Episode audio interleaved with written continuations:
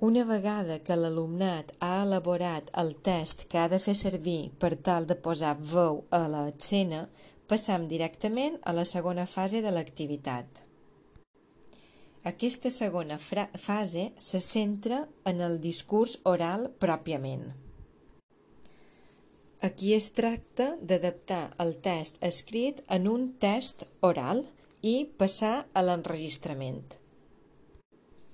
En aquesta part de l'exercici es tracta de posar a prova les estratègies per a la producció de textos orals, així com de les estratègies per parlar en públic.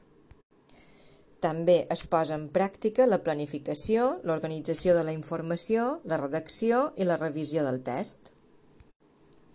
Amb aquest exercici es pretén que l'alumnat aconsegueixi una certa competència comunicativa oral i escrita, concretament oral, en aquesta segona fase, per tal d'expressar les seves opinions personals. S'intenta que hagin d'aplicar els coneixements que tenen sobre el funcionament de la llengua i les seves normes, per tal de produir missatges orals amb adequació, coherència i cohesió. És a dir, se'ls empeny a planificar i organitzar les seves pròpies idees amb l'objectiu de redactar un test narratiu propi. A partir d'aquest exercici es treballen, eh, entre d'altres, la competència en comunicació lingüística, atès que es treballa la diversitat del llenguatge i de la comunicació en funció del context, es treballa el vocabulari, la gramàtica, i es veuen també algunes de les principals característiques de la llengua. Es treballa també la competència digital, atès que han d'usar diferents recursos tecnològics, han d'usar i processar la informació que tenen i crear nous continguts.